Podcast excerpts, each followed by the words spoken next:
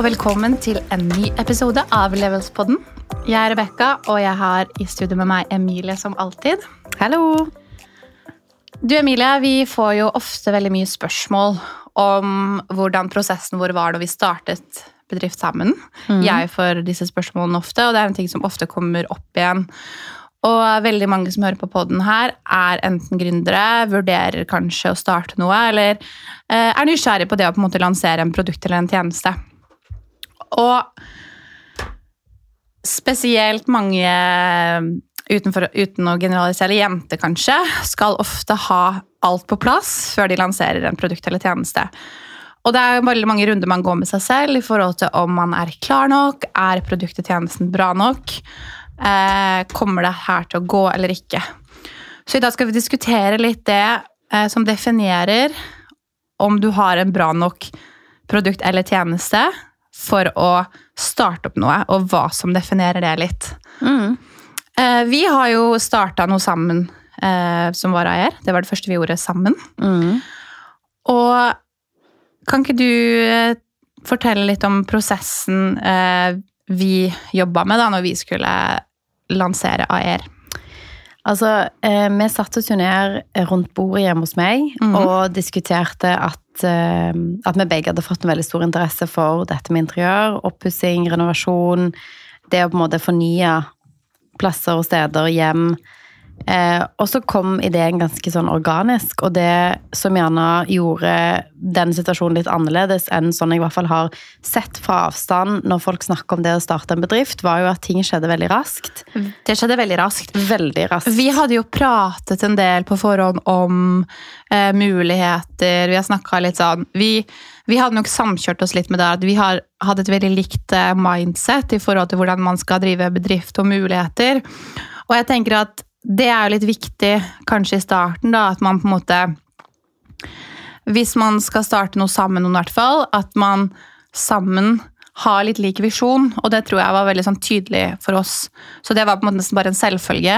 Men det er jo en ting som oppstår hos veldig mange som skal lansere nå. at Hvor vil, eh, vil man, og hva skal man? Fordi det er jo disse grepene man tar for å kunne planlegge for en produkt eller tjeneste, og hvordan man på en måte bygger opp prosessen rundt lansering av det, eller kunder, eller hvordan man jobber.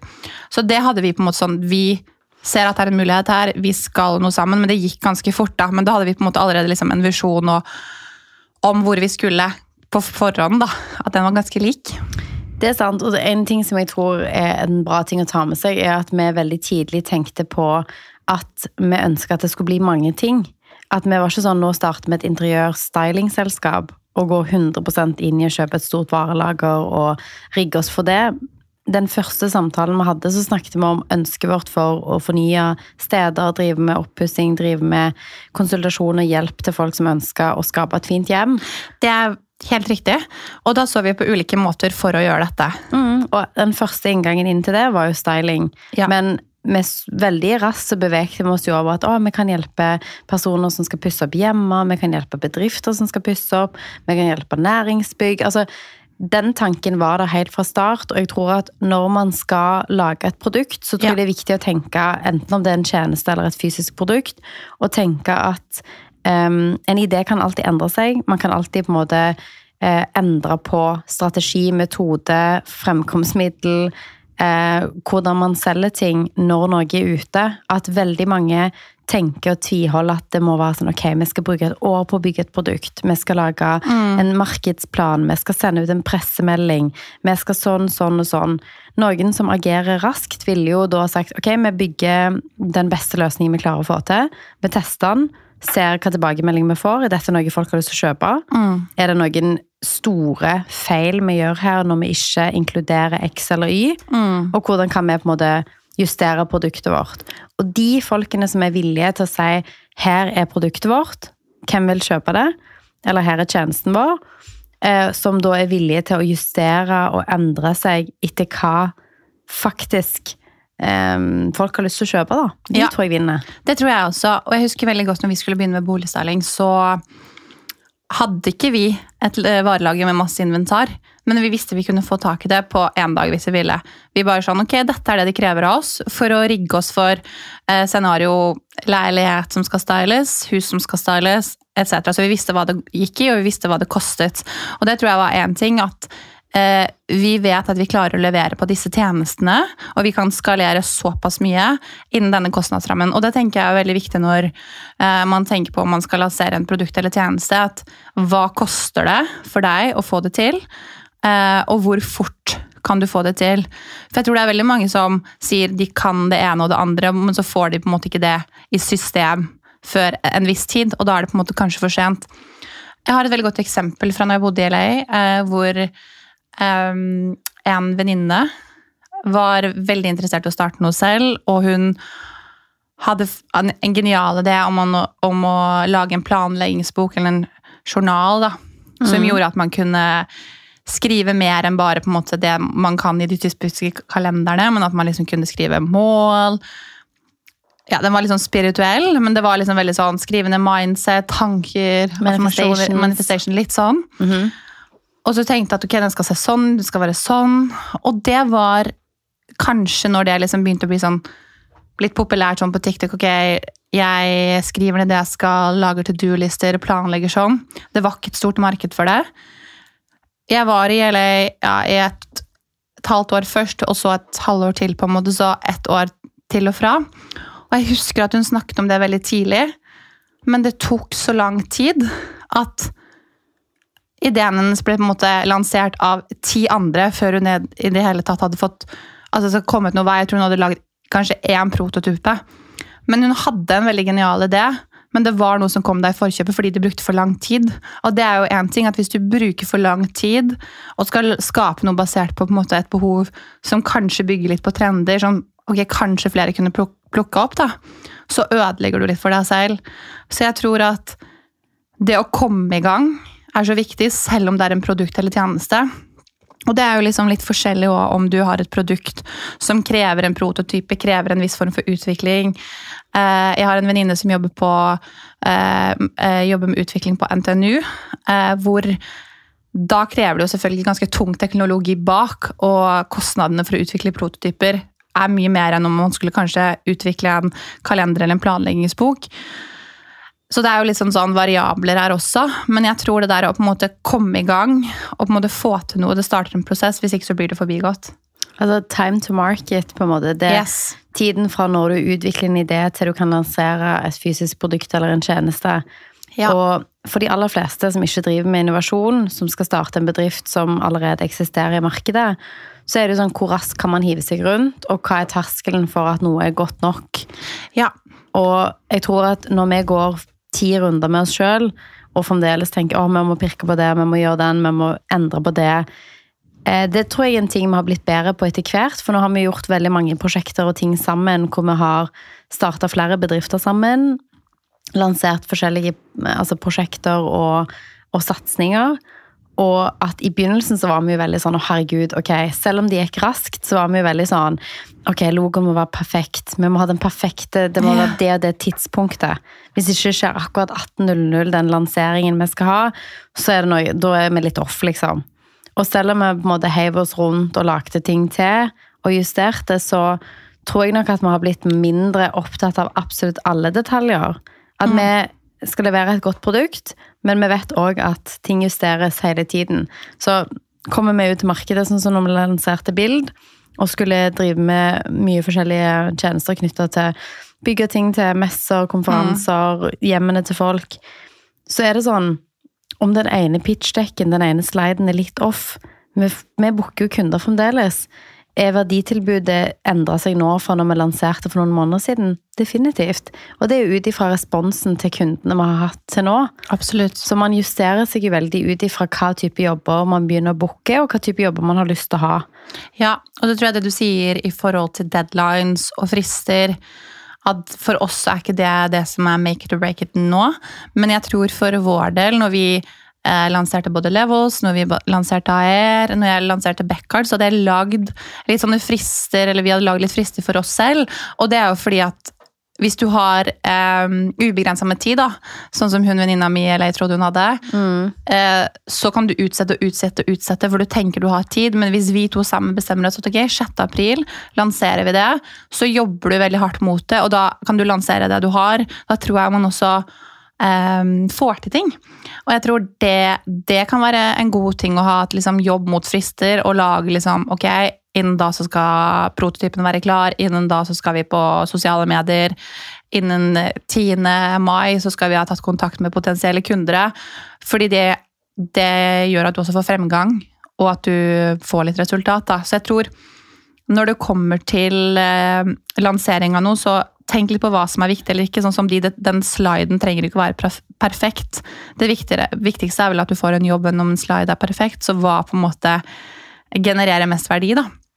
Jeg tror en annen ting å tenke på er jo litt sånn hva du skal tilby. Og der har jo du og jeg hatt utallige samtaler med hva et brand eller et produkt eller en tjeneste kan være. Og hvis vi bruker Beckhart, som er vårt selskap, som et eksempel, er jo at Beckhart begynte som én ting med mange paraplyer.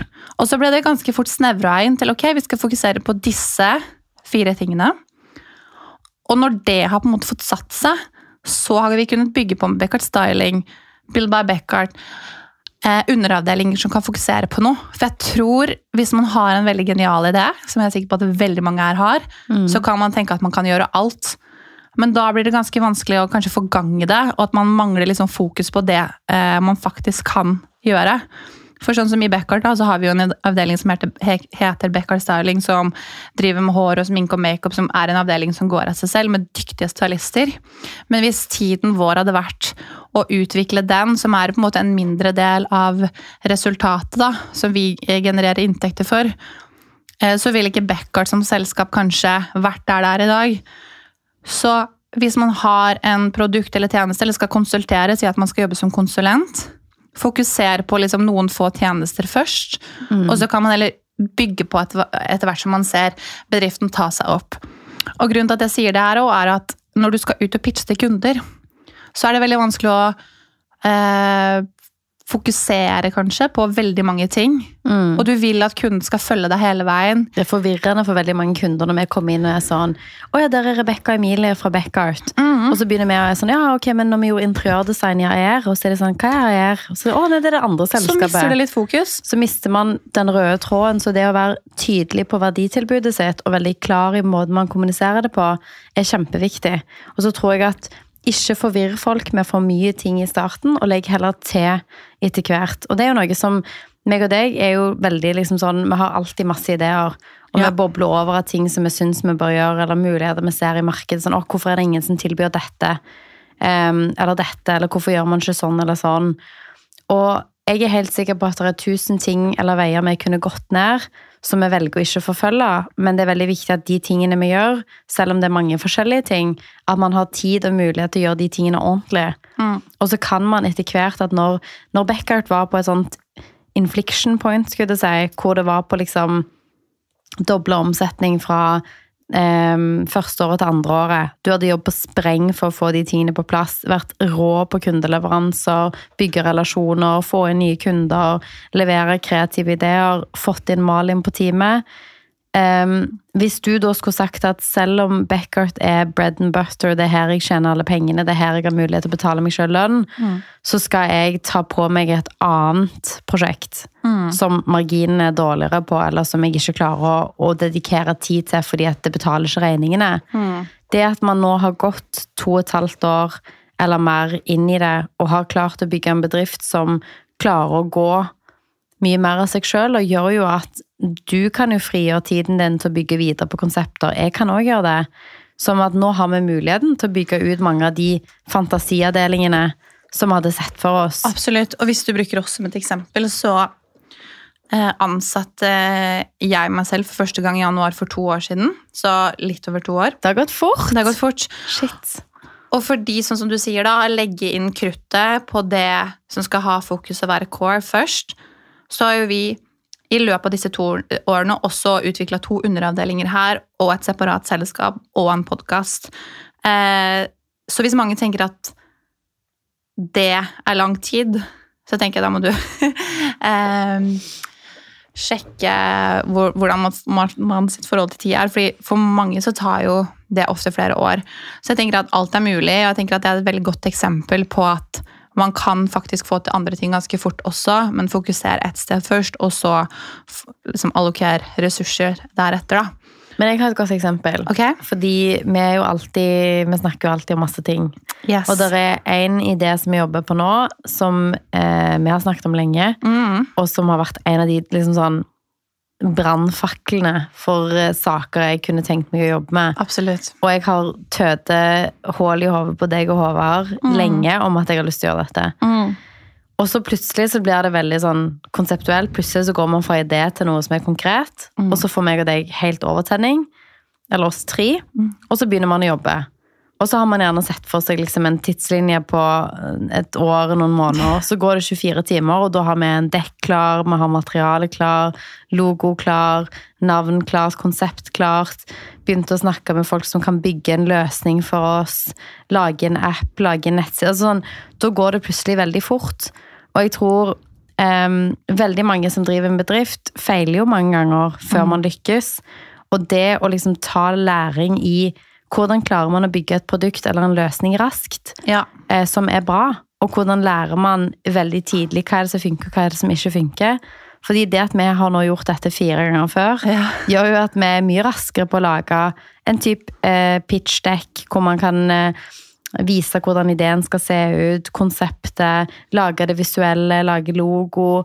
De tingene går veldig raskt nå fordi at man har gjort det før. Absolutt. Jeg skulle ønske at eh, jeg hadde fått trent på noen av de prosessene. eller nå får man jo aldri gå tilbake, men jeg hadde et foredrag på BI på 8. mars, på kvinnedagen. Og da var det veldig mange av de jentene som studerte entreprenørskap, og en del av programmet deres var å starte studentbedrift, som de på en måte gjorde i regi av BI. Og spørsmålet fra en i salen var tror du det er nyttig for oss å drive studentbedrift her på BI, selv om ikke det er på en måte som å drive en bedrift helt på vanlig. Helt på vanlig. Eh, og da sa jeg ja, fordi du får trent på prosessen, og jeg tror prosessen i alle de tingene vi har gjort, har nesten vært mer verdifull enn resultatet. For det er det som gjør at nå tar det oss 24 timer å lande et pitchdeck, eh, sveise sammen noe som kan se ut som en prototype, og komme i gang. Fordi du har lært så mange ganger, og det var verken du eller jeg hadde starta noe eh, studentbedrift eller fått trene eller fått veiledning, oppfølging. Så jeg tenker at alle som har muligheten til å gå den veien og få vært med i studentbedrifter, få vært eh, i et team som bygger noe, vært med å jobbe i en startup Selv om man ikke har startet noe, så tenker jeg at all den erfaringen man får, også med å jobbe med andre, og det tenker jeg også om man jobber i større konsern Hvis man legger litt merke til hvordan maskineriet funker, hvordan strukturen funker, hva som ikke funker, så tror jeg man er veldig godt rigga for å enten kunne på sikt lansere produkt eller tjeneste. Eller om man driver noe parallelt.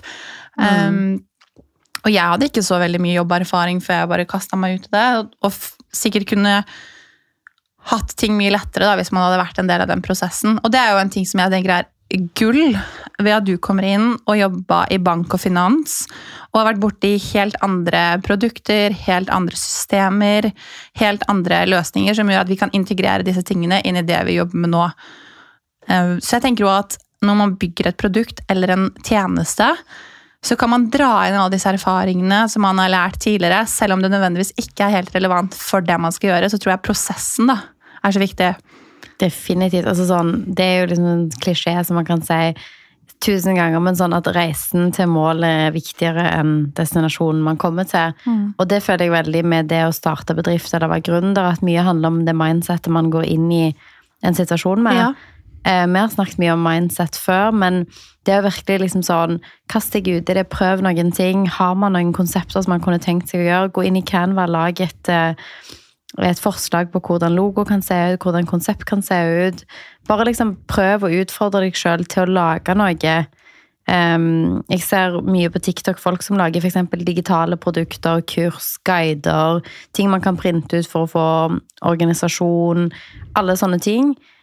Prøv å bare kaste deg litt ut i noe og lag noe, og test. Få liksom erfart på eh, under huden. Liksom sånn, hvordan føles det å faktisk gjøre noe ferdig, legge det ut der og se? Det Ja. trenger ikke være det mest kompliserte saken. Og definitivt, når vi starta AR, så hadde vi jo eh, kjøpt noen timer av en designer og lagd en nettside, og jobbet ganske iherdig med å få det på plass. Mm. Eh, men vi justerte jo veldig kjapt når vi begynte å få kunder, oppdaterte casene våre, gjorde på en måte de justeringene etter man hadde lansert. Absolutt. Og den holdningen med at ok, det er gjerne ikke noe jeg har svar på nå, eller kan nå, eller har gjort før, men det ordner seg sikkert, og det finner vi en løsning på. Det er veldig sant det du sier. Og jeg tenker at det er et veldig godt svar også, fordi når man er helt ny i gamet, det er jo ofte vi sitter med kunder og vi ikke kan alt. De spør om hvordan løser dere det, hvordan fikser dere det. Vi jobber hele tiden med større prosjekter, nye materialer, nye løsninger. Og det er også helt ok å si sånn du, det må jeg bare sjekke opp, eller det vet jeg ikke. For jeg tror hos mange så ligger frykten i at man ikke kan nok. Eh, jeg vet ikke alt. Fordi du kan alltid lære deg flere ting. Du kan på en måte aldri bli helt utlært. Det Definitivt. fins alltid folk som har noen meninger eller kan mer enn deg. Men hvis du sier at du, det skal jeg sjekke litt opp, eller det skal jeg eh, forhøre meg litt om Det går an, og det tror jeg er en, et sykt godt tips. Sånn. Hvis man ikke helt vet, så bare kjøp deg litt tid. Så lover jeg at du finner det ut. Jeg vet ikke hvor mange ganger jeg har vinga at ja, ja, men null stress. det ordner seg. Det Det ordner seg. Eh, og i veldig mange av disse casene så vet jeg jo at jeg finner det ut. Ja. Men ja. det er nok den sikkerheten at du vet at du ordner det, fordi jeg har, i, jeg har jobbet i mange startups før jeg begynte å jobbe i bank, og jeg vet jo at de folkene som står på scenen og pitcher til investorer i Silicon Valley og virker som de har svaret på alt, de winger jo de òg. Man gjør Altså, det. man, man har ikke svaret på alt. Man er dyktig på mange av de tingene man kan. Og så er noe av det som er X-faktoren og grunnen til at noen lykkes, er jo at man gutser og man tør. Og de tingene man ikke kan, de ansetter man folk som kan. Eller så lærer man seg de tingene. Mm. Og det tror jeg er på en måte Det å ha den mentaliteten bak at du trenger ikke kunne alt i Backart. Det hadde jo vært rart. Ja. Hvis Backart skal være 150 ansatte, så kan ikke meg og deg gjøre absolutt alle de personene sin jobb. Absolutt Det er jo helt ikke. umulig. Absolutt ikke. At man må bygge folk rundt seg som kan andre ting enn seg. Jepp. Så jeg tenker hvis vi oppsummerer litt da, i forhold til om du trenger å alt klart, og hva du bør ha klart før du lanserer en produkt eller en tjeneste, er litt klar visjon. Eh, hvor skal du? Sett deg eh, en liten sånn tidslinje. Du trenger ikke å ha alle detaljer klart, men jobb, gi deg selv litt press for å jobbe mot noe, for hvis et ting tar for lang tid, så kan det hende noen kommer forbi deg. Så tror jeg også at uh, man ikke trenger å ha svaret på alt. Ha svar på så mye du kan, selvfølgelig, og prøve å sette deg inn i alt, men det er helt ok å bruke litt tid på å finne ut av ting. Og så vær litt fokusert. Velg hva du skal satse på i første omgang, og så kan du bygge på med ekstra tjenester, ekstra produkter, whatsoever, når du på en måte har fått landa de første jobbene. Og så er det bare å kjøre. Det jeg hører fra dette her, er at vi burde Kanskje vi skal lansere lanseringskurs. Lanseringskurs, ja. Jo, men jeg tror, jeg tror Det tror jeg ville hjulpet så veldig mange i gang. Det er jo kanskje ingen som har lanseringskurs. Har How to launch. har vi avslutta denne episoden med en businessidé? Jeg tror kanskje det. Det er veldig gøy at jeg bare kommer. Kommer Dine nå. søsken ler jo veldig av deg. Av og oss meg. at vi lanserer Skal det launches? Det skal launches. Yes. Um, men det er jo en ting vi også liksom brenner veldig for. Og bare det der å kunne kurse folk litt inn på ok, har du tenkt på dette, har du tatt høyde for dette? Og det er så mange ting jeg bare skulle ønske at jeg visste. Um, jeg lærte fortsatt noe forrige uke, eller i går kveld, av vår eh, dame på økonomistyring, Lena, som kom med mye greier som jeg aldri hadde tenkt på. Nå vet jeg det. Men òg bare det å, å komme i gang. Jeg tror det er veldig mange folk som snakker om disse tingene som om det er prosesser som skal ta fem år. Det, jeg tror det er litt sånn refreshing å bare være sånn, vet du hva, det her er faktisk noe som du Du kan ha en idé i forrige uke, du kan bruke tid på kvelder og helger for å sette i gang noe, og så kan man starte der. Jeg tror min paraply når jeg tenkte at jeg skulle bli gründer, var sånn å, jeg skal bare jobbe i fem år. Og så skal jeg ta sånn to år på å jobbe på en idé, og så skal jeg ha masse tid. Og det er ikke alltid liksom tilfellet at det er mulig. At Nei. Da kan det være at muligheten forsvinner fra deg, men bare det å liksom være sånn, ok, men jeg bare prøver på dette her. Og så går det sånn som det går. Absolutt.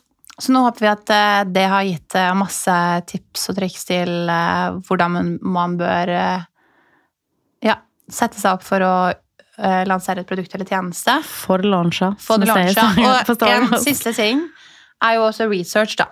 Jeg tror eh, det et tema vi ikke snakket om, som vi burde si litt om før vi avslutter, er sjekk markedet, selvfølgelig. Sjekk eh, muligheter, og sjekk pris. Og sammenligne det. Vi snakka litt med det der at du trenger ikke å ha en helt ny innovativ idé i en tidligere episode. Men se hvis du skal eh, lansere Hvis du skal begynne med bilforhandler, tjeneste eller bruktbilsalg, hva, hva på en måte er markedsprisen, hva ligger det for, hvordan opererer man? Så Du må på en måte sette deg inn i det du skal. da. Så research er jo selvfølgelig veldig, veldig, veldig viktig. Det er bra å få med på tampen der. Det er bra for på tampen. Men- det var det vi hadde for i dag. Vi håper at uh, vi ser mange av dere starte bedrifter, og så snakkes vi neste uke.